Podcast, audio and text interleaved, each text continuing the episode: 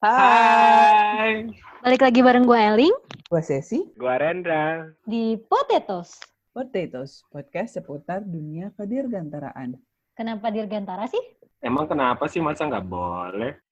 Oke, agak shock nggak? Kece kok, kece. Oh, Oke. terlalu baik memang. Jarang ya mendapat Oke. pujian gitu. Kita Terima kasih. selalu ada kecelakaan sih. Hari ini kita masuk ke episode yang kesekian. Kedatangan tamu spesial ya. Semua tamu kita selalu spesial. Iya, selalu spesial tiap minggu aja lo bilang kayak gitu. Iya. gue merasa dejavu aja setiap rekaman pasti ngomongnya tamu gue spesial. Tapi emang spesial yang kali ini. Jadi Bos kita juga spesial kok. Iya. Jadi beliau ini adalah sesosok yang bekerja di nah, perusahaan konsultan Big Three di dunia. Tepuk tangan dulu dong. Aduh, sesosok. Untuk per, Oke lah. untuk untuk perkenalan lebih detail ya biar lebih tepat kita langsung aja ke yang bersangkutan. Silakan Bang, perkenalkan diri. thank you, thank you. Halo, nama gue Reinhard. Uh, ya, sekarang kerja sebagai konsultan di salah satu big three consulting firm uh, di Indonesia dan dan globally juga. Uh, be- dulu sebenarnya backgroundnya undergrad itu di ITB, teknik penerbangan nih, sama yang lain juga. Terus habis itu ketemu dosen yang namanya Pak Hisar Pasaribu. Terus habis itu jadi lebih fokus ke bisnis instead of engineering-nya. Nah, habis itu kuliah dan Oh. sebagainya macamnya, masuk consulting, sempat pindah ke US sebentar, kerja di uh, United Nations, terus balik ke Indo, consulting lagi. Jadi gitu sih ceritanya. Ah, Jadi dijebak sama Pak Hisar nih ya ceritanya. Pak Dibukakan ya? mata batinnya oleh Pak Hisar. Karena menurut Pak Isar mungkin engineering kurang prospeknya kurang baik. Jadi mending lo agak beralih ke dan Lu, bisnis. lu menyesal nggak dulu nggak ke Pak Hisar berarti, Ling? Kayaknya sih kak. Jadi eh, Bang Renat ya, Hmm. panggilannya Bang Renat ini ke, dulu backgroundnya eh, engineering, kemudian sekarang eh, berakhir bukan berakhir ya, akhirnya bekerja di fokus ke aviasi. fokusnya Eh, justru ke apa namanya Ke konsultan. konsultan bisnis gitu. Betul. Nah. betul. Kita hari ini tuh kenapa sih mendatangkan seorang konsultan? Karena sebenarnya kita pengen ngobrolin bagaimana sih sebenarnya dampak COVID ini ke Industri gitu ya. industri khususnya industri aviasi Industri secara, secara global. global baik Hmm. apa baik secara global maupun di Indonesia. Iya. Tapi kan beberapa episode yang lalu kita sempat ngebahas tuh waktu apa awal COVID. Nah, waktu itu kan masih potensi potensi potensi yang kita bahas potensinya kayaknya buruk banget. Potensinya bakal bikin apa ekonomi apa down terus bisnis bisnis mati segala macam. Nah, sekarang kita mendatangkan ahlinya nih. Apakah benar yang waktu itu kita bahas dan mungkin akan lebih tepat eh, bisa mengkonfirmasi apakah itu benar-benar terjadi gitu. Siap Setelah ya. dua bulan ini gitu ya. Iya. Hmm. Ya setelah dua bulan ya, kurang lebih dua bulan ya di Indonesia ya dari Kalau di Februari. Indonesia ya. Iya. Hmm. Mungkin itu dulu kali kita lihat dari apa namanya grafik yang dari Decode itu loh. Dia kan sempat Oke. mengeluarkan semacam diagram lah kayak ada beberapa industri yang mungkin menjadi potensial loser dan potensial winner gitu. Ini sebenarnya studi case-nya buat di Egypt sih. Apakah ini juga berlaku di Indonesia? Kalau kita lihat potensial loser-nya tuh ada tourism, aviation masuk di uh, potensial loser juga sih Oke. automotive, construction, financial, manufacturing dan sebagainya gitu. Eh, Menurut Renat gimana? Hmm, iya iya. Ini kurang lebih sama sih di seluruh dunia juga seperti ini gitu. Uh, memang kelihatan kalau yang paling bawah kan potential losers-nya tourism and leisure, kemudian aviation and maritime. Karena nature dari si COVID sendiri kan uh, untuk ngeblok pandeminya ya limitasi pergerakan manusia kan. Hmm. makanya aviation sama maritime taruh di situ. Terus kemudian kayak tourism and leisure kan bisa dianggap sebagai sesuatu yang tersier lah. Jadi em, Oke. nggak primary gitu. Jadi ya taruh belakangan. eh, jangan jangan jalan-jalan dulu deh orang kondisinya lagi kayak gini dan juga kalau jalan-jalan kan memperbesar uh, kemungkinan untuk tertular kurang lebih seperti itu. Kalau yang di atas atasnya seperti otomotif, manufacturing itu mungkin kebanyakan juga impact dari global supply chain kan. Jadi karena kita Oh, tahu oke. Cina kan mulainya dari Cina di awal, lalu Cina kan sangat integrated terhadap uh, global supply chain kan kayak iPhone misalkan sebagian besar komponennya dibuat di di Cina gitu. Jadi makanya manufacturing banyak lagging karena yaitu supply uh, chain-nya terganggu kebanyakan Hmm. gitu. Kalau financial Hmm. service mungkin ini kan lumayan mid-mid ya, mid-mid loser, nggak ya. winner juga. Mungkin karena banyak Ada. Heeh. banyak em, dari sisi loan misalkan banyak sekarang company yang akhirnya minta untuk maturity loan-nya di, diundur. Eh, harusnya bayar bulan depan pada minta bayarnya kalau bisa tiga tahun lagi kayak Garuda ntar kita bakal ngomongin Garuda Garuda salah satunya gitu misalkan jadi ya mereka planningnya agak berantakan karena itu banyak company yang tolong dong di reconsider loan saya gitu karena emang kondisinya kan lagi agak susah gitu ya Jadi kayak Hmm. perputaran di financial service ini Mm-mm. panjang gitu ya. Betul, betul, betul. Kalau yang kayak winner-winner, ini kalau kita lihat kayak ICT, ya kita lihat Zoom lah. Sekarang kita pakai Zoom kan. Mm-mm. Semua orang pada pakai Ya. Zoom sekarang, jadi kayak stock price dia kalau nggak salah bisa meningkat sampai berpuluh-puluh kali gitu.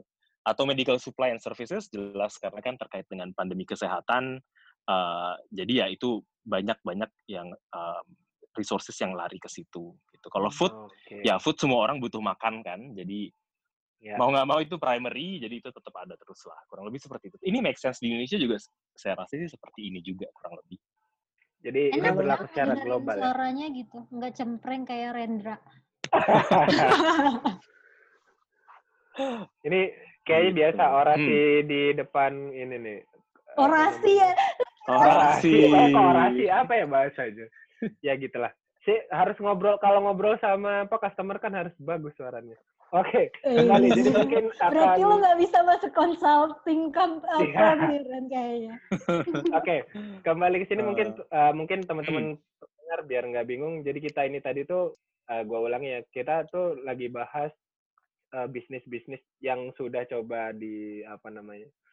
Sudah coba Petakan. dipetakan oleh eh, Decode namanya. Jadi ada se- apa sebuah lembaga gitu eh, coba memetakan akibat COVID ini kira-kira mana aja sih bisnis yang terdampak. Jadi tadi disebutkan eh, yang paling terdampak itu tourism and marit apa aviation and maritime karena yang tadi ngomongin tersier dan semakin bisnis yang semakin core bisnisnya ke arah primer eh, itu yang akan menjadi winner di dalam kondisi yang sulit ini gitu ya. Hmm. Eh, mungkin langsung ke next bahasan kan tadi kita ngomong eh, dari Dikut itu hasilnya untuk Egypt dan eh, mestinya juga berlaku untuk Indonesia karena itu berlaku secara global. Hmm. Kebetulan podcastnya aviasi ngomongin penerbangan nih. Penerbangan di Indonesia keadaannya saat ini bisa digambarkan nggak bang? Setelah Hmm. COVID ini gimana sih sebenarnya keadaan secara general?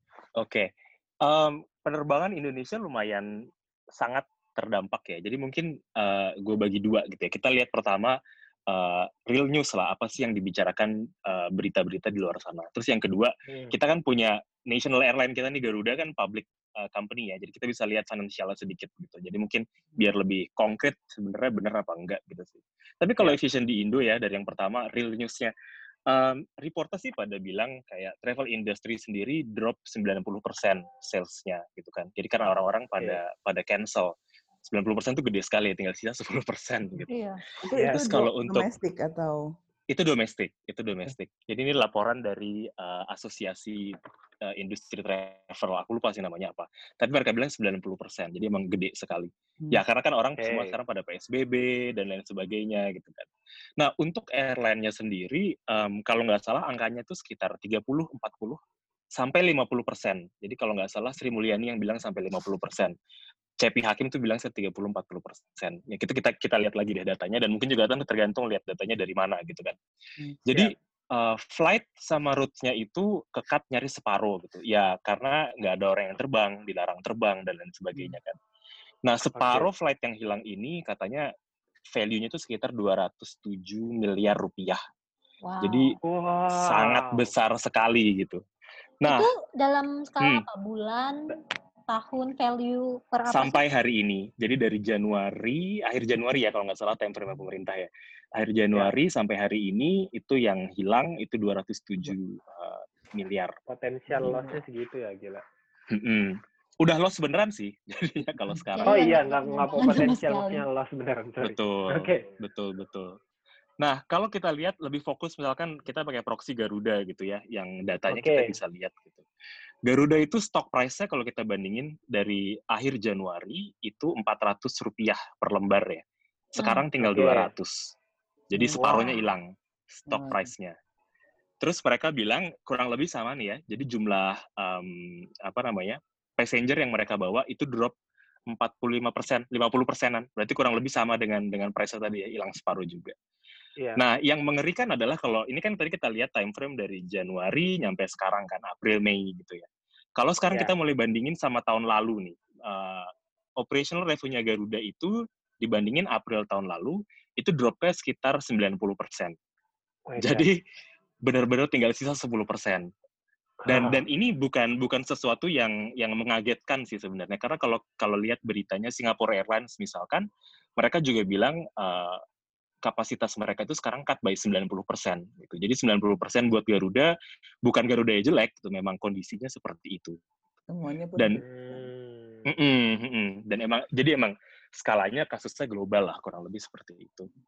Dan kelihatannya memang Garuda sendiri sekarang sudah sudah sadar bahwa mereka punya uh, tantangan dari sisi finansial gitu ya. Makanya uh, mereka sudah laporkan mereka mau ngobrol sama pemerintah misalkan untuk minta bantuan financing gitu. Jadi kalau nggak Oh, salah sih. Sri Mulyani udah bilang siap bantu 8,5 triliun uh, rupiah uh, short term loan gitu. Dan kebetulan Garuda ini juga punya kalau nggak salah uh, apa ya uh, debt debt yang harus dibayar bulan Ah, depan, bulan bulan Juni. Hmm. Jadi mereka harus Jatuh bayar tempo. sebenarnya. Jatuh tempo, exactly. 500 juta dolar.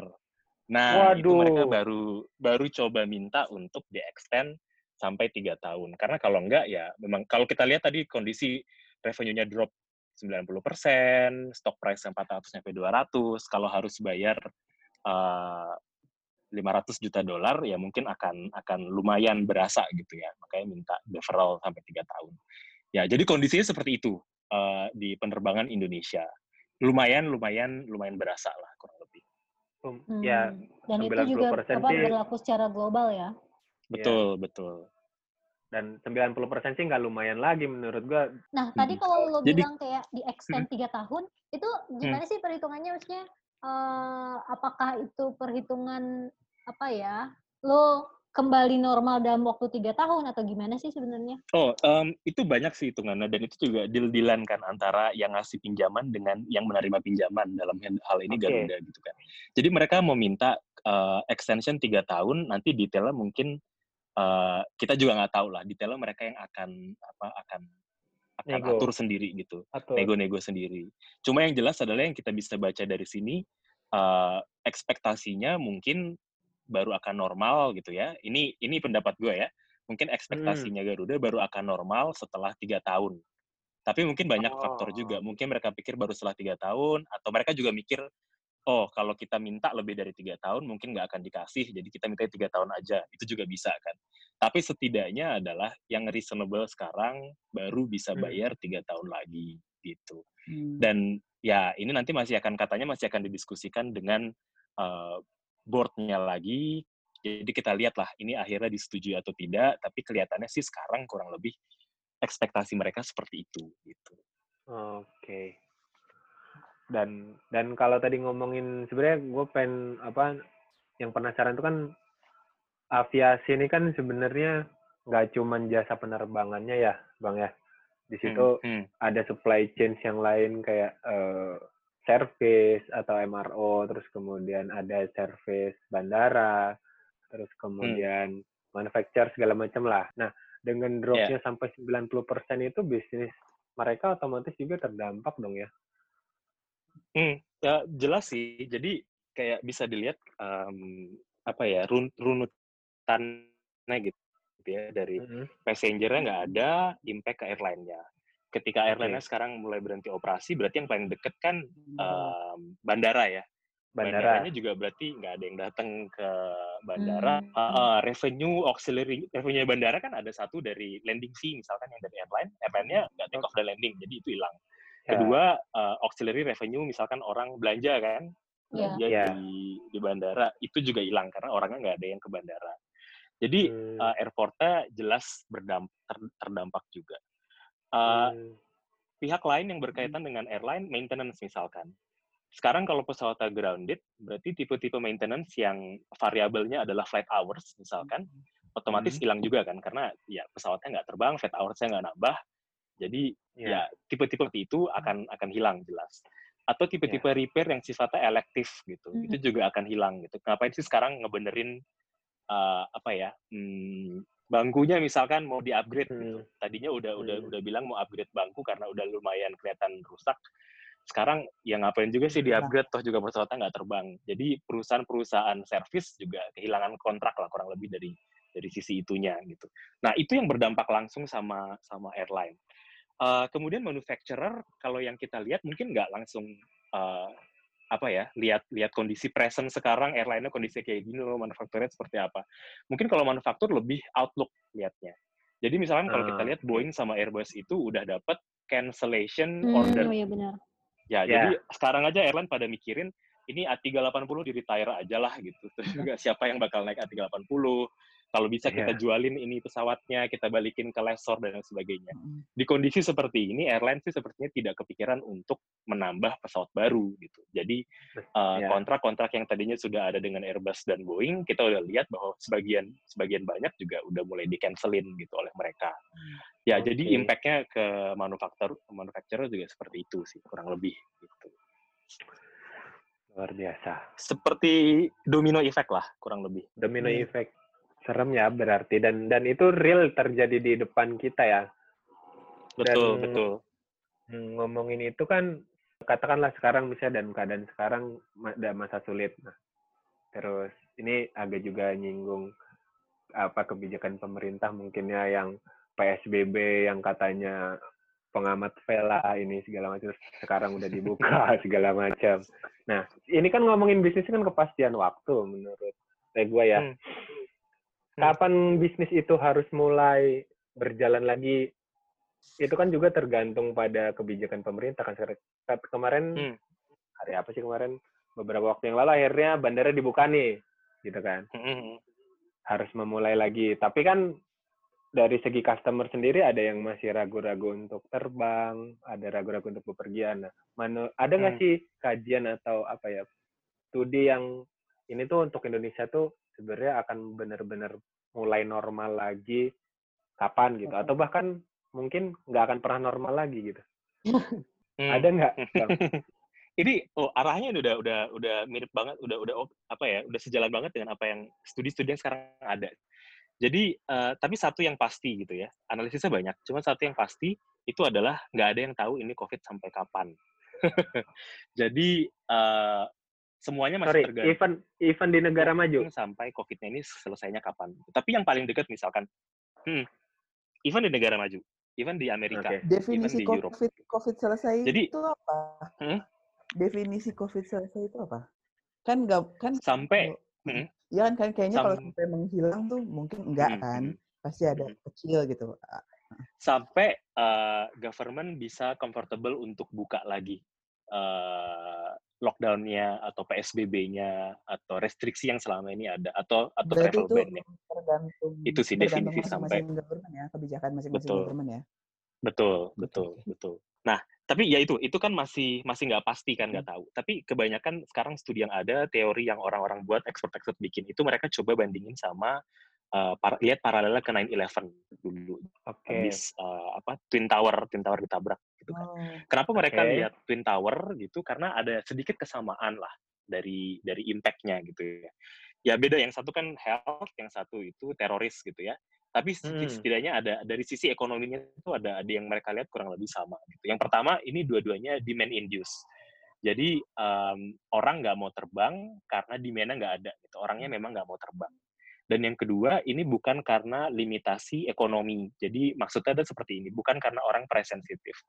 Kalau misalkan di kondisi seperti negara bangkrut gitu ya, atau resesi, orang-orang nggak bisa Hmm. beli tiket pesawat gitu kan. Mm, Mereka nggak bisa beli karena mereka nggak punya uang gitu. mm, Tapi Hmm. kalau di COVID dan di 9/11, mereka nggak bisa terbang bukan karena mereka nggak punya uang, tapi lebih ke karena satu takut takut nyebarin, takut ketular gitu ya. Dan yang kedua adalah restriction dari negara gitu. Jadi kalau dulu kan juga di di Amerika misalkan kan emang sempat ada travel ban kan karena orangnya takut Iya. teroris dan kedua governmentnya juga bilang jangan terbang nggak boleh terbang semua pesawat kan sempat di grounded segala macam Hmm. seperti itu. Oke. Nah, jadi dari perspektif itu mereka lihat oh ada paralel nih antara 9/11 dan dan COVID mm. gitu kan. Nah, jadi em, dari situ gitu ya kalau kita bisa banding-bandingin dikit ada paralel yang bisa ditarik gitu kan. Eh, mereka sih Hmm. bilang kurang lebih itu best case-nya realistiknya 2022 baru bisa balik ke kondisi normal. Mm. Wow. Buruk-buruknya itu 2023. Jadi sekitar sampai 2 sampai 3 tahun lagi. Dan ini kurang lebih sama sih dengan timeline-nya si 9/11 dulu gitu. Jadi kurang lebih seperti itu gitu ya. Oh, nah, Eh, demand sekitar untuk tahun uh, ya? terbang itu uh, akan Hmm. balik lagi seperti sebelum COVID, maksudnya gitu ya? Nah, exactly. Jadi balik lagi ke volume yang diharapkan akan terlihat di 2020. Oke. Jadi 2020-nya itu ditarik sampai 2023 gitu. Jadi Kayak selama shifting gitu ya? betul digeser aja gitu semuanya dari 2020 ke 2020 ke 2023 gitu. Ah. Nah, di balik itu sebenarnya ada juga logik seperti ini. Jadi sebenarnya um, COVID ini se- sejujurnya tujuh kali lebih buruk impact-nya dibandingkan 9/11 in terms of revenue loss gitu ya. Dari sisi moneter itu tujuh kali lebih buruk. Bahkan kalau kita combine impact-nya 9/11 ditambah krisis finansial tahun 2008, kalau dijoinin tuh dua 9/11 tambah 2008, impact-nya COVID itu masih jauh lebih buruk daripada itu.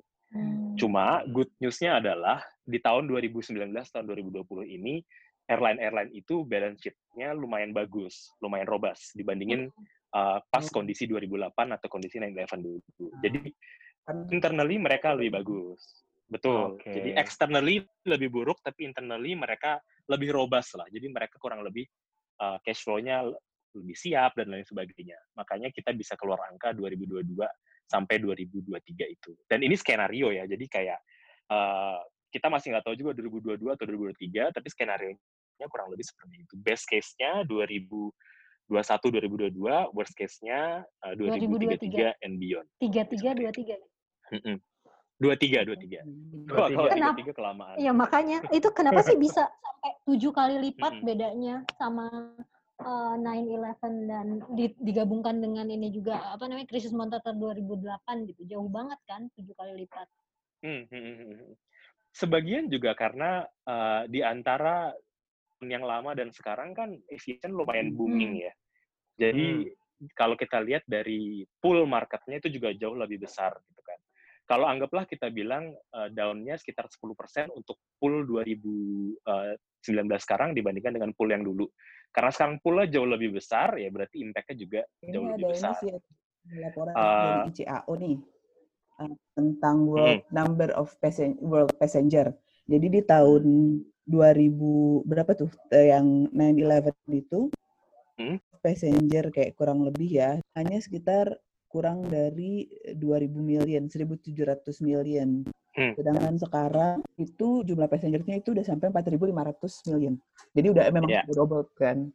Hmm. Ya, betul. Betul. Di overall size-nya emang udah jauh lebih besar gitu. Makanya potential loss yang juga muncul juga lebih besar. Hmm. Ngeri juga ya mbak tujuh kali lipat. Mm-mm. serem sih. Dan dan itu tadi kita ngomongin 2022 best case. Gua nge- langsung ngebayangin best case itu dalam kondisi pem- pemerintahan setempat yang sigap atau penanganan COVID-nya oke lah gitu. Kalau penanganan Exactly. COVID, Jadi kalau gue boleh tambahin Hmm? di yang benar yang 2000 2022 tadi skenario di balik itu tuh kayak gini. Eh, government-nya support. Jadi udah siap segalanya lancar gitu lah ya. Terus travel ban-nya bisa di-lift as soon as possible. Lalu airline-nya juga proaktif. Mereka coba stimulate demand dengan nurunin harga sedikit. Hmm. Lalu orang-orang Oke. juga behavior-nya fallback-nya cepat.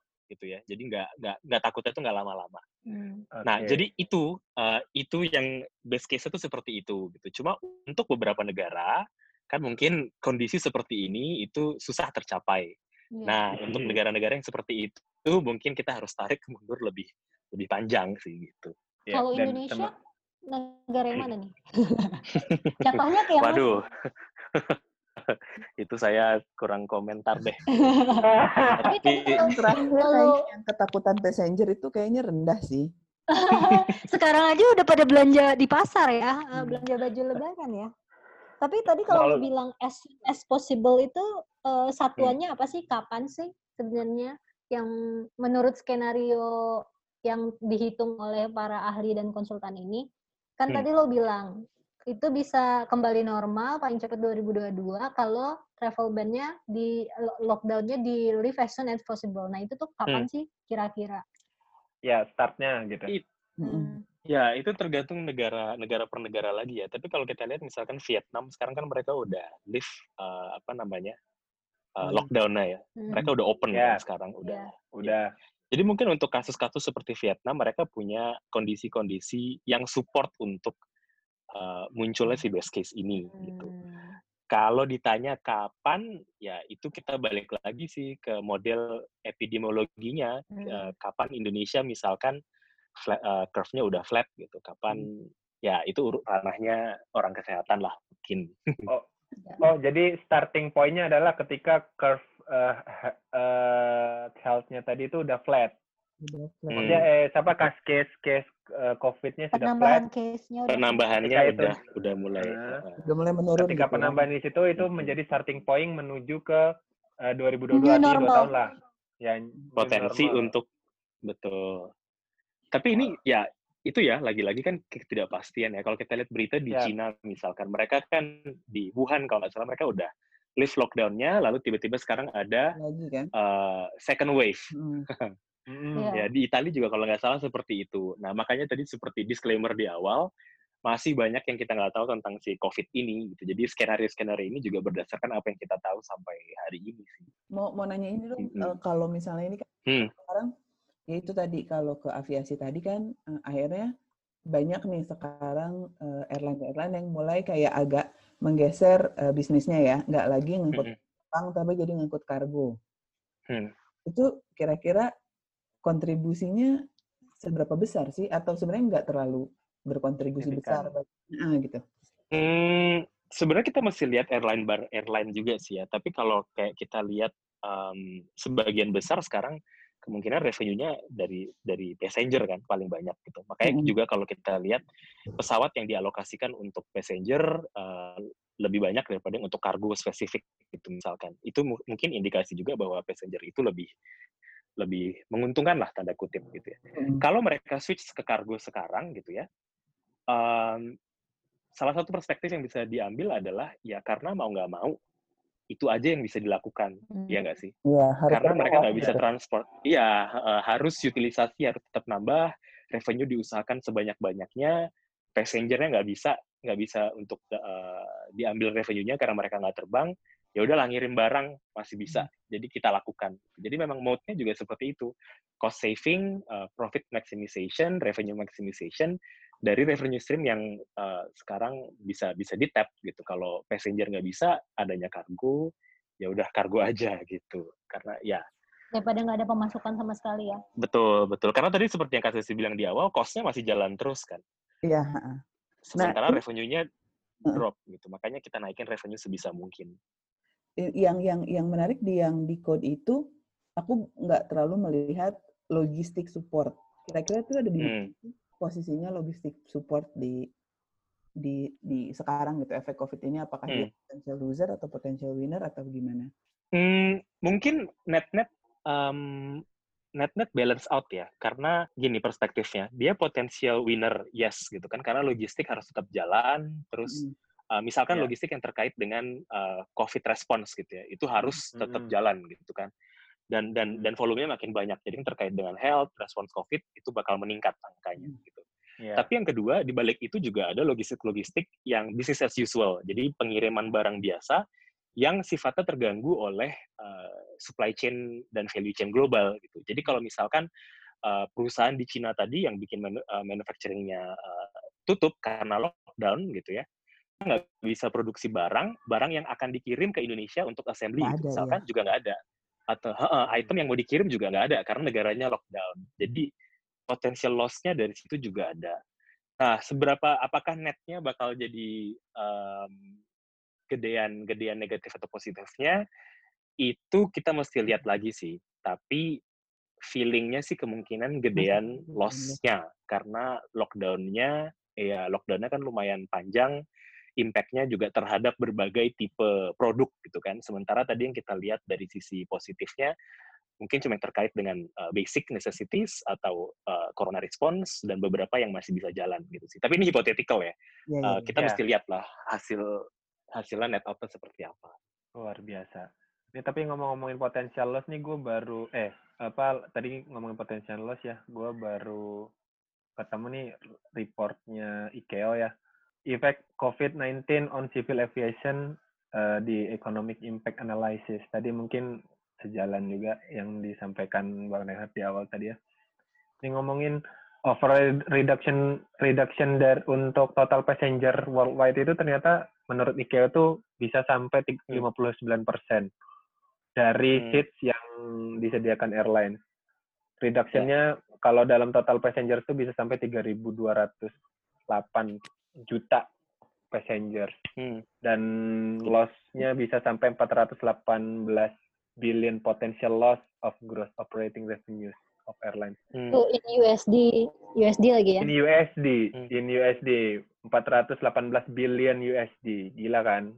Dan di Asia Pasifik sendiri itu totalnya itu eh, loss-nya bisa sampai 70% Asia Pasifik.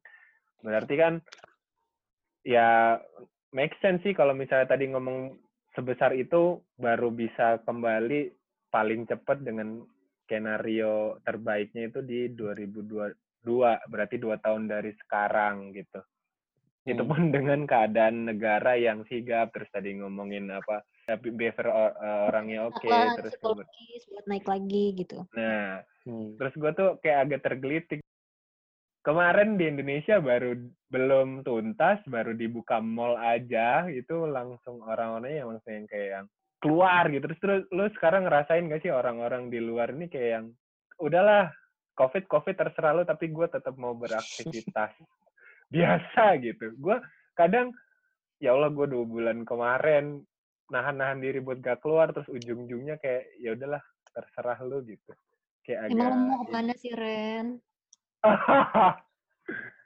gitu sih. Ya ini agak sedikit curcol juga ya jadi ya. Nah maksud gue dengan keadaan begini, keadaan Indonesia Hmm. yang begini, Bang, secara personal lu melihat kira-kira Indonesia ini bisa dalam berapa waktu sih gitu? Atau kalau nggak usah ngomong berapa waktu deh, ada di posisi yang mana sih negara yang akan terlambatkah memulai new normalnya atau ya oke dari Atau malah jadi 2022 terus jalan ekonomi ya, karena kebuka aja gitu. Nah itu atau jangan-jangan malah ekonominya jalan terus. Jadi yang dikorbankan kesehatan apa manusianya misalkan. Pertanyaan berat dan sangat politis ya. Ngeri, Oh, ngeri juga nih jawabnya. Jangan jangan jangan buat ini sebagai politis. Maksud gua lu sebagai warga negara Opini gitu pribadi kan, aja sih. Opini, opini personal pribadi lu. ya. Oke. Kalau opini personal sih uh, mungkin jatuh ke yang sedikit di belakang gitu ya. Dan gue yakin juga bukan gue, gue bukan orang satu-satunya orang yang ngomong seperti itulah. Gitu. Di luar sana juga di- sudah banyak yang Jadi Ya, terlambat. gua gua ada di barisan lo tapi gua mau ngomong itu kan gua bukan seorang profesional yang kapasitas untuk ngomong itu gitu. Tapi gua sepakat sama lo. Lanjut, Bang. Sorry. Iya, dan orang di luar sana juga pada pada pada bilang gitu ya, orang yang lebih berkompeten lah di bidang ini dari gua gitu. Juga juga bilang sebenarnya eh, bisa lebih lebih apa ya, lebih fokus dan terkoordinasi lah effortnya gitu dan agar jadi jadi nggak tertinggal seperti itu. Nah, kalau kalau starting point-nya adalah lumayan tertinggal sekarang eh, dan domino efeknya juga banyak ya tadi yang orang-orang sekarang udah ke mall aja sense of urgency-nya nggak ada gitu kan. Hmm. Ya. Um, Sense of sebenarnya bisa mm, bisa dilihat juga bahwa dilemanya dilemanya negara itu ya memang besar juga gitu loh. Karena kalau kondisi seperti saat ini sekarang, kan nggak bisa tiba-tiba kita uh, iron fist, oke okay, lockdown, ternyata kita harusnya lockdown, lockdown gitu kan semua. Karena udah yeah. terlanjur bilang nggak nggak perlu lockdown. Orang-orang juga udah di luar sana. Kalau kita mau hmm. terusin um, yang moderat seperti ini, berarti kan butuh waktu makin lama kan orang-orang dikurungnya makin lama nih. Satu orangnya yeah. makin stres, dua ekonominya hmm. makin berdampak, uh, dan tiga impact-nya ya makin panjang baru bisa kelihatan hasilnya gitu kan. Hmm. Jadi makin uncertainty-nya makin tinggi juga gitu.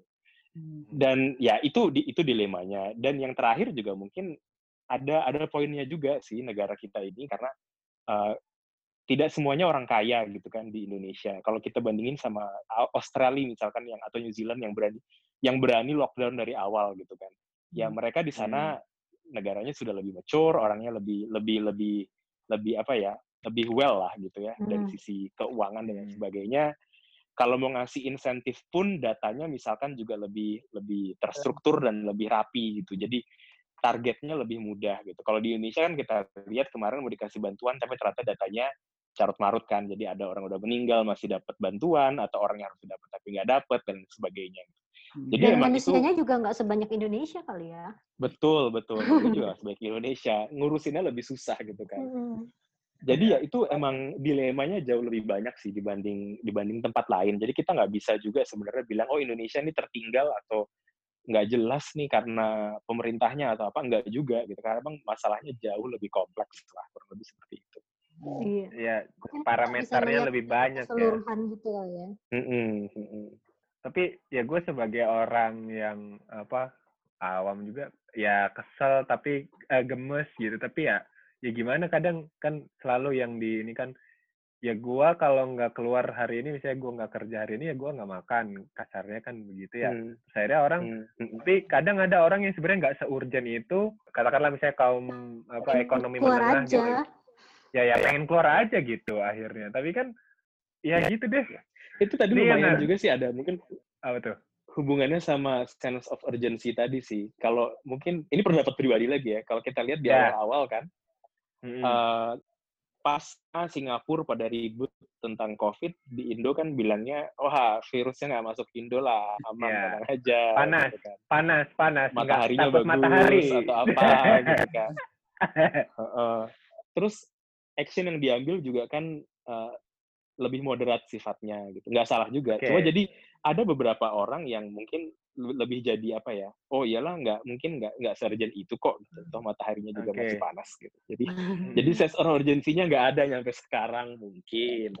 Soalnya kalau ya kan beberapa orang juga bilang kalau di koran itu kan kayak misalnya gue nggak keluar karena nanti takutnya gue ketularan covid dan mati tapi gue kalau di rumah pun gue nggak bisa makan dan gue bakal mati juga gitu kan hmm, nah gitu ya dilema juga dilema juga sih gua nggak makan ya mati tapi kena covid ya mati ya udah mending gua mati keluar cari kerja apa cari uang gitu misalnya cari pendapatan covid nanti inilah yang ngatur gitu.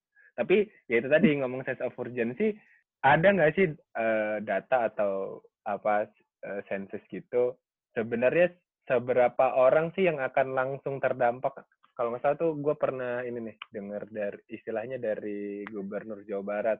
Jadi terdampak hmm. langsung uh, keadaan ekonominya turun langsung jadi apa yang tadinya middle jadi langsung low atau miskin misalnya terus yang jadi miskin miskin banget kayak gitu gitu ada sensusnya nggak sih sebenarnya untuk Indonesia itu sebenarnya uh, banyak sekali dan semuanya bilang hal yang lumayan berbeda ya jadi kalau kita bahas sebenarnya kita kayak ribut A dan B yang dua-duanya sebenarnya bisa aja dua-duanya benar gitu. Benar.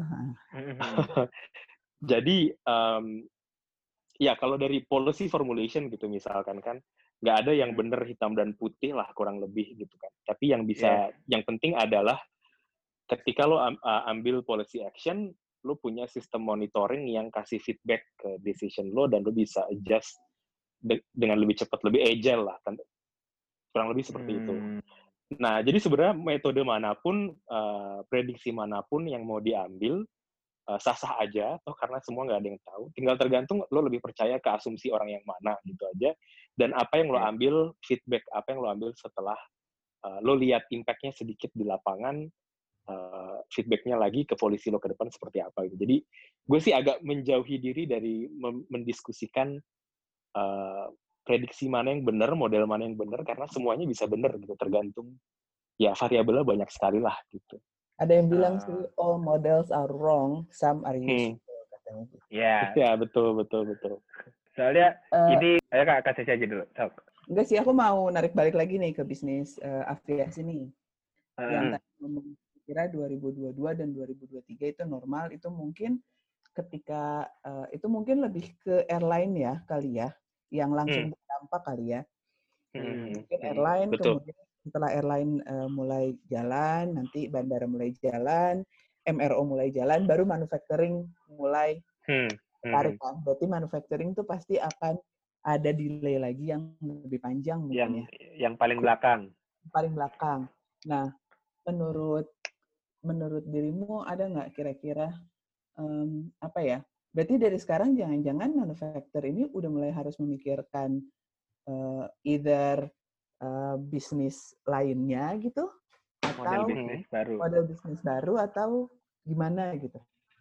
Hmm sebenarnya perspektifnya untuk manufacturer ya bisa hmm. kita bagi dua dulu sih sekarang biar biar safe lah gitu ya. Hmm. Kalau yang kita bahas sejauh ini kan tipe manufacturing yang berkaitan dengan pesawat komersial gitu ya. Jadi kayak A320, 777 dan lain sebagainya gitu. Penumpang. Tapi kan sebagian penumpang, uh, sebagian besar uh, sebagian lah nggak nggak besar.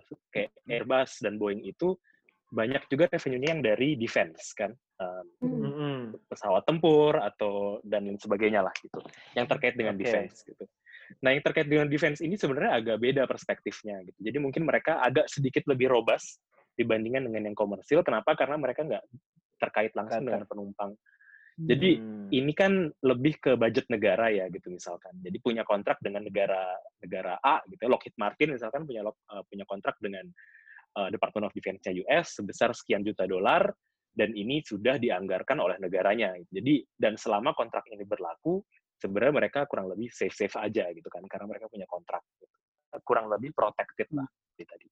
Walaupun kita masih ingat juga uh, budget negara kan juga walaupun sifatnya tahunan atau lima tahunan gitu kan, mungkin aja berubah gitu sih, karena COVID ini gitu kan. Mungkin di depan mereka pikir, uh, mungkin kita nggak perlu fokus ke defense dulu lah kita hmm. kuatin uh, kesehatan gitu dan ini juga buat politisi kan topik yang lebih mudah dijual kan oh ya budget untuk kesehatan digedein diambil dari defense oke okay, make sense tapi seenggaknya delaynya masih belakang lah gitu. jadi sebenarnya untuk manufacturer sendiri revenue-nya kurang lebih terprotek dari sisi situnya kalau dari sisi yang terkait dengan um, airline tadi hmm. Ya mereka mungkin um, susah juga sih kalau mau dibilang cari bisnis baru ya gitu karena ini core mereka kan Betul. dan mereka udah invest luar biasa besar di R&D, hmm. di uh, factory-nya, di orang-orangnya, di paten dan sebagainya gitu kan. Jadi kalau mereka harus switch ke revenue stream yang baru bisa aja, cuma ini kan mereka juga punya hitung-hitungan investment kan sebelumnya yeah. R&D ini oh, harus oh, yeah. dalam sekian tahun gitu. Jadi ya. betul nggak bisa serta merta di ya adalah kita kita anak tirikan dulu sementara juga nggak bisa gitu gitu. Mungkin hmm. fokusnya bukan bukan banyak ke nyari revenue baru walaupun itu bisa juga.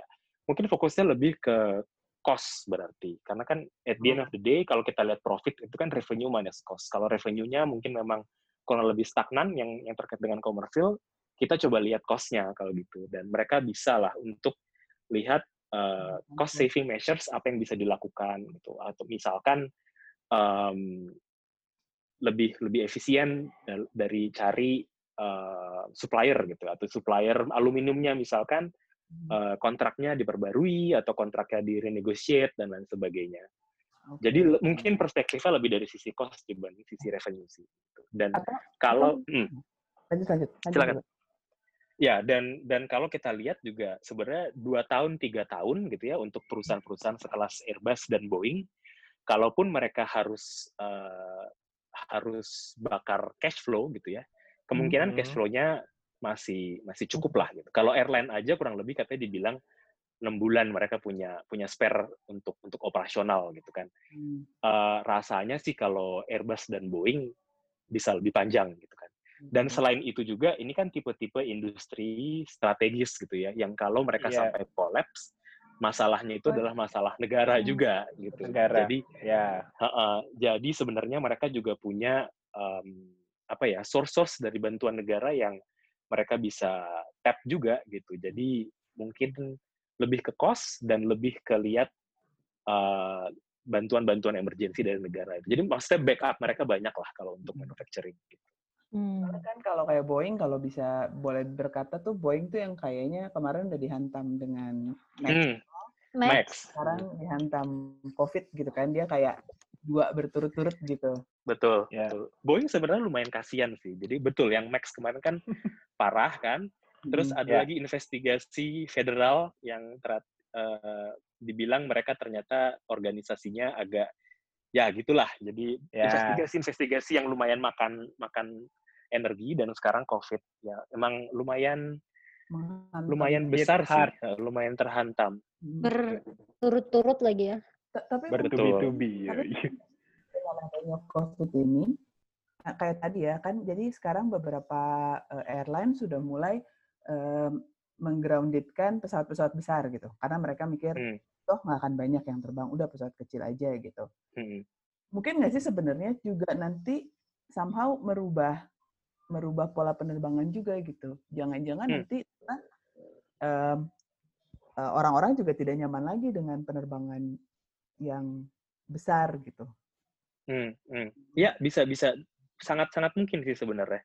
Jadi kalau misalkan em, salah satu framework yang ada gitu ya di lapangan sekarang adalah eh, untuk airline-airline ini eh, short term-nya gitu ya, mereka pastiin punya likuiditas gitu kan. Mm. Mid term-nya salah satunya adalah mereka harus lihat eh, reimagine business model ya gitu. Hmm. Reimagine business model itu dimulai dari lihat lagi customer preference dan customer journey yang mereka mereka ada. Makanya kan sekarang disebutnya new normal tuh karena um, ya semuanya bakal berubah gitu kan. Preference orang seperti yang Kak Sesi bilang tadi berubah gitu. Mungkin kalau dulu ya udahlah nggak apa-apa naik pesawat murah dempet-dempetan gitu kan Hmm. orangnya banyak gitu. Yang penting tiketnya murah. Mungkin nanti customer-customer itu berubah preferensinya gitu. Iya. Ah yang penting aman. Jadi eh, mau naik pesawat yang middle seat-nya ada policy dikosongin gitu. Seenggaknya ada gap antara gua dan orang sebelah gua gitu. Nah, ini yang masih belum ketahuan kan sampai sekarang karena eh, orangnya masih di terkarantina semua gitu. Surveinya juga sepertinya belum ada yang nanya preference dan Hmm. preference orang, preference customer itu kan kadang kalau kita ditanya sekarang maunya A atau B, kita nggak tahu sampai kita ngerasain A dan kita ngerasain B baru kita bisa bilang gitu kan. Jadi, Oke. Itu belum muncul juga gitu. Makanya sebenarnya masih di di area yang belum tahu. Makanya kalau untuk airline-airline itu masih dilihat di di jangka menengah dan sedikit panjang di mana mereka harus revisit lagi uh, customer journey-nya akan seperti apa dan reimagine lagi bisnis modelnya seperti apa gitu Kan dan dan impact Hmm? Ya dan impact-nya setelah tahu nanti itu kan customer maunya apa bisnis model seperti apa impact-nya tentu nanti ke tipe fleet yang bakal dipakai gitu kan ya kayak selama ini kalau kita lihat kayak Emirates gitu kan mereka tipe tipe fleetnya selalu yang gede-gede kayak A380 karena mereka punya bisnis model yang sistemnya ngangkut penumpang banyak dari poin A dibawa ke hub-nya dilempar lagi ke poin berikutnya gitu kan. Hmm. Sementara kalau kayak Lion Air di Indo atau Garuda di Indo kan kita lihat oh ya emang sebenarnya point to point lebih kecil gitu kan jadi pakai pesawat kecil. Nah, ini kan pemilihan fleet ini kan didiktate oleh bisnis modelnya juga. Nah, nanti dan bisnis model itu didiktate oleh si customer juga. Nanti setelah kita tahu customer-nya maunya apa, bisnis modelnya di reimagine akan seperti apa, nah barulah itu mungkin akan mendiktate uh, fleet Hmm. pilihannya akan seperti apa. Pilihannya Jadi berikut. masih lumayan butuh waktu. banyak variabelnya juga ya. Sementara Hmm. kalau gue lihat kadang di Indonesia tuh lebih prefer low cost, low cost Low gitu. cost care. Yang kayak misalnya kalau kita bilang tadi fleetnya berjarak dan segala macam, tentu pasti costnya akan lebih tinggi kan, nggak sesuai nature sama low cost itu sendiri yang Hmm. padat-padetan Hmm. gitu. Betul, betul. Nah Nah- mungkin demand-nya bisa jadi turun juga setelah itu gitu karena nggak Mhm. terjangkau untuk sebagian besar masyarakat Indonesia yang ingin terbang. Betul. Nah, itu ya trade off-nya. Kalau kita Air Asia gitu misalnya low cost yang paling kece lah anggap aja gitu. Hmm. Eh, ya mereka mesti trade off juga gitu. Mereka punya prinsip health and safety mereka seperti apa. Kalau Iya. mereka, mereka buka gitu ya, misalnya COVID COVID-nya masih ada sedikit gitu ya. Dan mereka bilang kita mau protect eh, customer kita terkait health and safety di COVID ini. Prinsip COVID, sorry, prinsip health and safety mereka seperti apa? Apakah mereka ambil yang middle seat kosong atau per row kosong dikasih gap atau gimana. Dan itu nanti dibandingkan dengan economic tentu aja. Kalau load factor-nya mungkin sekarang mereka 80% Hmm. dapat dapat uang sekian. Kalau mereka pakai prinsip mereka tadi yang di awal, load factor-nya turun kan mungkin 50 atau mungkin malah cuma 40. Nah, masih visible atau enggak secara ekonomi. Nah, itulah yang harus mereka analisis Kaji, ya. lebih jauh lah gitu. Hmm. Tadi Ya. kan lo sempat bilang kalau misalnya, ah, maksudnya kalau Garuda mungkin disuntik juga oleh pemerintah karena itu eh, BUMN ya. Kalau Hmm. untuk airline-airline lokal lain yang swasta itu apakah mereka cukup mampu untuk menghadapi kondisi seperti ini gitu? Hmm. Itu ada ada dua sebenarnya pers- pers- perspektif awalnya gitu ya. Yang pertama adalah eh, mereka ini seberapa struktural terhadap ekonomi Indonesia gitu ya. Kalau misalkan sangat struktural dan kalau mereka tutup gitu ya, dampaknya besar, kemungkinan government mungkin akan bantu gitu ya. Iya. Kalau misal terus yang kedua, kalau uh, selain itu mereka seberapa mampu sih sebenarnya internally gitu kan untuk untuk coping dengan ini. Hmm. Ya kalau kita lihat um, ratingnya yang paling bagus sekarang kan Garuda ya, rating Hmm. uh, kreditnya dan lain sebagainya gitu kan. Kalau kredit ratingnya makin bagus, berarti kan kalau mereka mau cari pinjaman jauh lebih mudah atau bunganya jauh lebih kecil gitu kan. Jadi ya untuk beberapa airline mungkin posisi mereka ak- tidak akan sebaik Garuda sih, kurang lebih seperti itu. Tapi kan kita juga nggak tahu karena sifat mereka kan private gitu ya. Kayak Lion Air kita nggak pernah ada yang tahu Lion Air itu dibaliknya seperti apa gitu kan. Mungkin dulu mereka sudah punya channel-channel loan yang kita kita nggak nggak aware. Gitu kan. Hmm. Mereka bisa leverage lagi Hmm. channel-channel loan yang mereka udah punya sebelumnya gitu kan. Kayak sampai sekarang ini buat gue misalkan itu masih pertanyaan si um, Lion Air bisa beli pesawat segitu banyak itu uangnya dari mana? Itu masih pertanyaan buat gue. Ya. Mungkin kalau ada teman-teman yang tahu boleh di-share. Itu saya sekarang masih pertanyaan gitu kan. Jadi sepertinya kayak kayak kayak beberapa airline ini juga punya sumber dana sumber dana yang mereka bisa tarik. Gitu. Itu yang kita nggak tahu, tapi harapan kita sih ada sumber dana sumber dana itu, jadi mereka bisa ambil. Atau yang kedua, eh, mereka kan juga punya pesawat nih kan, pesawat ini kan aset. Gitu. Nah, aset Iya. ini Hmm. bisa juga dijadikan kolateral untuk dapat dapat funding gitu misalkan. Jadi Oke. se- seenggaknya mereka punya likuiditas untuk eh, sekian lama lah gitu. Iya. Jadi mereka masih punya tadi satu masih punya source yang kita belum kita nggak tahu ada atau enggak. Kedua mereka juga punya aset gitu. Jadi masih ada ruang lah gitu. Tapi mungkin dibanding Garuda misalkan ruangnya Garuda jauh lebih banyak kelihatannya dibanding airline-airline lain, lainnya. Gitu. Ya, tapi kita harap sih lancar dan aman lah.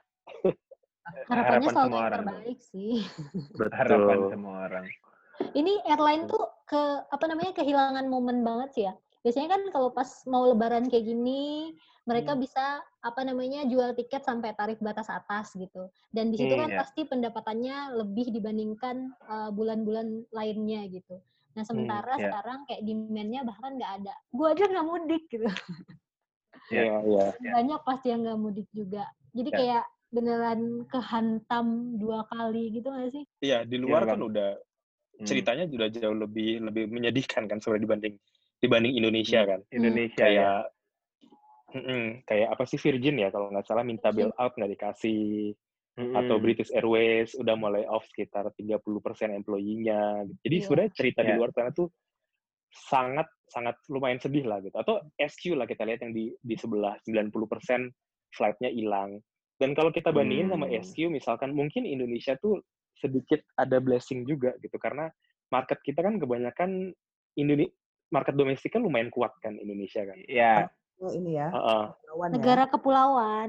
negara kepulauan, negara kepulauan. Iya. Jadi domestic marketnya lumayan kuat gitu. Dan kalau kita lihat, kita bandingin sama SQ, dia kan domestic market ya zero lah orang Iya. Hmm. canggih-canggih doang mau ke mana lagi gitu kan. Emang mereka hub Iya. internasional sih ya. Emang hub Iya. internasional bener. Dan sekarang masalahnya COVID adalah kan international flight kan yang ditutupin semua kebanyakan. Karena Iya. negara-negara pada tutup. Yang mereka makanya mereka kena hit lumayan besar. Sementara Indo, kalau Indo mungkin bisa bisa manage at least internalnya bagus, domestik bisa dibuka lebih cepat aja gitu mungkin.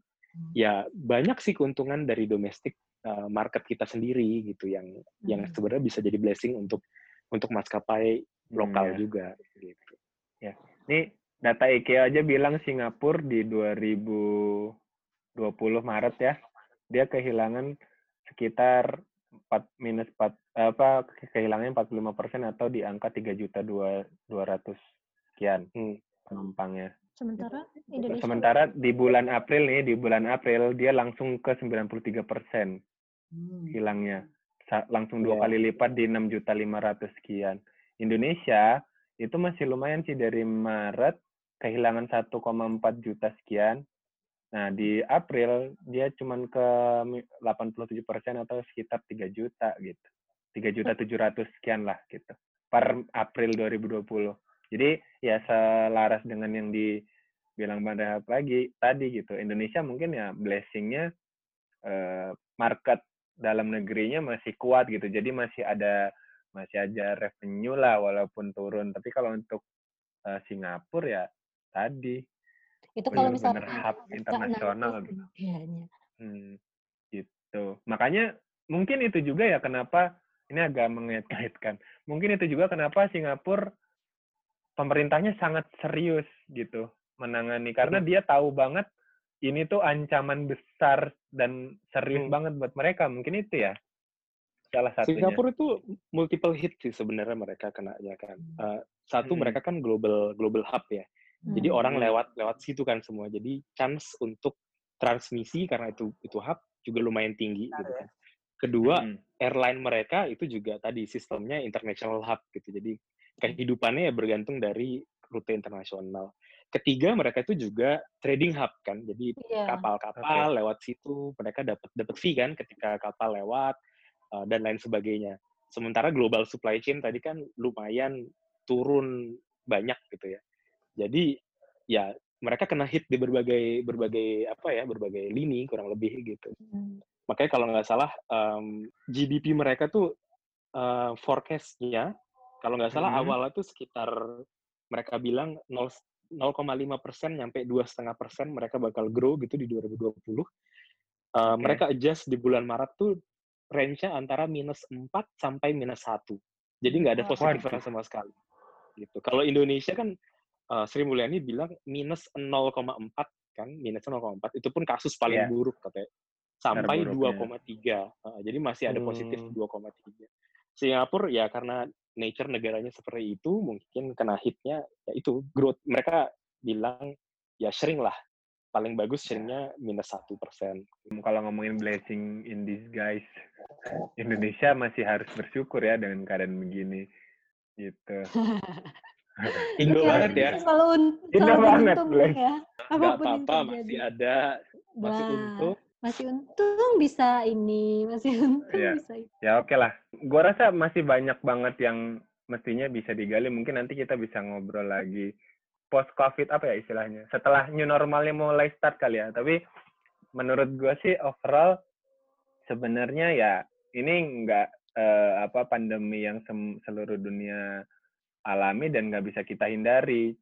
Dan ya mau nggak mau kita hadapi gitu ya sesuai dengan apa yang disampaikan Bang Rehat bahwa eh, sebenarnya ada tips dengan keadaan yang sulit ini kita bisa menghadapinya dengan baik. Tadi mungkin yang harus kita ulangi adalah yang pertama negaranya juga cepat tanggap, warganya apa namanya punya behavior yang bagus dan support pemerintahnya dan yang ketiga pebisnis-pebisnisnya juga eh, punya inisiatif untuk menangkap atau memberikan apa ya promo-promo atau model bisnis yang menarik gitu supaya bisnisnya juga kembali lancar gitu dan gue sih berharap Indonesia bisa dan seluruh pebisnis yang ada di Indonesia mungkin bisa segera pulih gitu ya terus Hmm.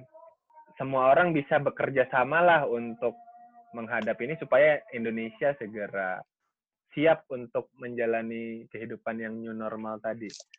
Setuju nggak lo? Setuju. Siap. Mungkin ada closing statement atau ultimate Hmm. uh, statementnya sebelum Kata-kata kita mutiara akhiri. ya. Iya kata-kata mutiara ini kita nggak kerasa loh, udah hampir udah sejam kayaknya ngobrol seru banget. Asli gak kerasa. Kata-kata Gimana, mutiara apa ya? Ya. Apa yang pengen apa lo ya? sampaikan gitu kepada pendengar potatoes? Oh, oke. Tergantung pendengarnya ya. Kalau pendengarnya adalah orang-orang rakyat biasa seperti kita semua, Oke. saran ya yang yang bisa gue bilang adalah dengerin aja pemerintah nyuruh apa. Jangan neko-neko Oke. biar makin cepat ini selesai. kalau kebetulan yang ngedengerin ini adalah orang yang kerja di airline dan penerbangan, ya mungkin balik tadi tadi sih ke yang apa yang bisa bisa mereka lakukan jangka pendek adalah ya pastiin punya likuiditas itu sih, jangan sampai kolaps. Lalu uh, jangka menengahnya siap-siap ini bakal balik sih, bakal pasti akan balik, cuma kapan kan belum tahu. Suatu suatu yeah. saat bisnisnya akan balik dan jangan karena sekarang nggak ada kerjaan terus jadi nggak ada kerjaan aja gitu, nggak mikirin nanti ketika balik harus seperti apa. Jadi harus mulai pikirin dari sekarang mungkin untuk ramp up logistiknya, terus mungkin untuk stimulate demand nanti seperti apa dan lain sebagainya. Dan yang terakhir tadi yang paling penting juga kalau butuh ya lihat customer-nya lagi, reconnect dengan customer, mereka maunya apa, di new normal mereka preference seperti apa dan reimagine bisnis modelnya. Itu sih tiga step itu mungkin yang yang sangat penting untuk uh, membantu uh, ketika nanti sudah bisa balik dan mempersiapkan masa depan lah gitu. Apa sih masa depan? Luar biasa luar biasa. Eh tapi ini komprehensif dan ini loh uh, menyeluruh luar biasa keren tapi tapi menyeluruh bedanya apa Ren? bedanya apa eh, iya iya bener juga ya grogi siap Gitu. Gua sebagai warga negara yang biasa, gua akan ngikutin saran Bang Rena tadi untuk nggak neko-neko dulu lah, biar cepet. Kalau buat Sultan apa? Ininya nggak ada. eh, buat Sultan mah bebas kan. Tuh kalau okay. Sultan bebas. Oke, okay. gimana Kailing, Kak Sesi? Udah sih kalau dari gue ini membuka wawasan hmm, lebih iya. dari Tapi, sisi. Ya, menarik nanti kalau misalnya udah uh, udah mulai kita ke new normal, terus mungkin kalau misalnya nanti udah ada gambaran gambaran-gambaran gimana sih behavior orang ternyata setelah pasca COVID gitu mungkin menarik buat kita ngobrol-ngobrol lagi kali ya. Mm-hmm. Siap. Iya, iya. Abis ini dia, sih. lo nggak kapok kan? Ngobrol Nah, jelas ya. Gue bertatap muka kan lebih ini kan kita ya, mengikuti anjuran pemerintah untuk sosialnya, hmm, betul. social distancing dan ber apa? nggak nggak bertatap muka, cuman bertemu lewat dunia maya. Eh. Iya. Oke, okay. ini sih yang Thank paling menarik biasanya. Bagian closing. Sama, Kita yang thanks loh. Kita yang makasih banget udah kasih knowledge. Masih mau diganggu, ya kan? masih mau berbagi wawasan dengan pendengar. Justru gue yang thank you sebenarnya masih ada orang-orang yang care sama dunia penerbangan. Karena kalau lo lihat kan, gue tipe orang yang kabur dari dunia penerbangan. Gitu. Walaupun dunia penerbangan seperti kata Isyana masih tetap dalam jiwa, cuma kan lumayan kabur. Ya udah kita bikin konsultan penerbangan aja kalau gitu. Panggil Pak ya. oh dan mungkin disclaimer terakhir nih, ini harus gue okay. sampaikan bahwa apa pun yang gue sampaikan hari ini adalah pendapat pribadi dan bukan pendapat dari tempat di mana gue bekerja gitu aja. Oh, ya, ya. gue. Siap. Kita nggak pernah buka kalau kamu kerja di mana jadi. Paling nanti orang kepo. kita rahasia. Namanya paling nanti hmm. orang-orang hmm. sendiri kepo kalau misalnya nanti kita tag apa Instagramnya. Atau disamarkan diganti nama jadi Zulkifli juga nggak apa-apa. Terus suaranya di, dibikin uh, yang kayak uh, kayak saya gitu. saya gitu. Uh, jual tahu borak. ya, oke okay lah. Ini udah mulai capek kayaknya. Ya? udah mulai capek. Terima kasih uh, Bang Renhard untuk apa wawasannya hari ini dan waktunya. Semoga selalu sehat, sukses dalam apa karirnya yang udah kabur dari aviasi, tetap sukses. Uh, dan semoga terus menebar manfaat ya untuk kita semua. Terima kasih wawasannya. Oke, okay, kita tutup potato kali ini. Gue Eli. Gue Sesi. Gue Rendra dan narasumber kita. Gue Renhard. Terima kasih banyak. Sampai jumpa di podcast selanjutnya. Bye. -bye. Bye.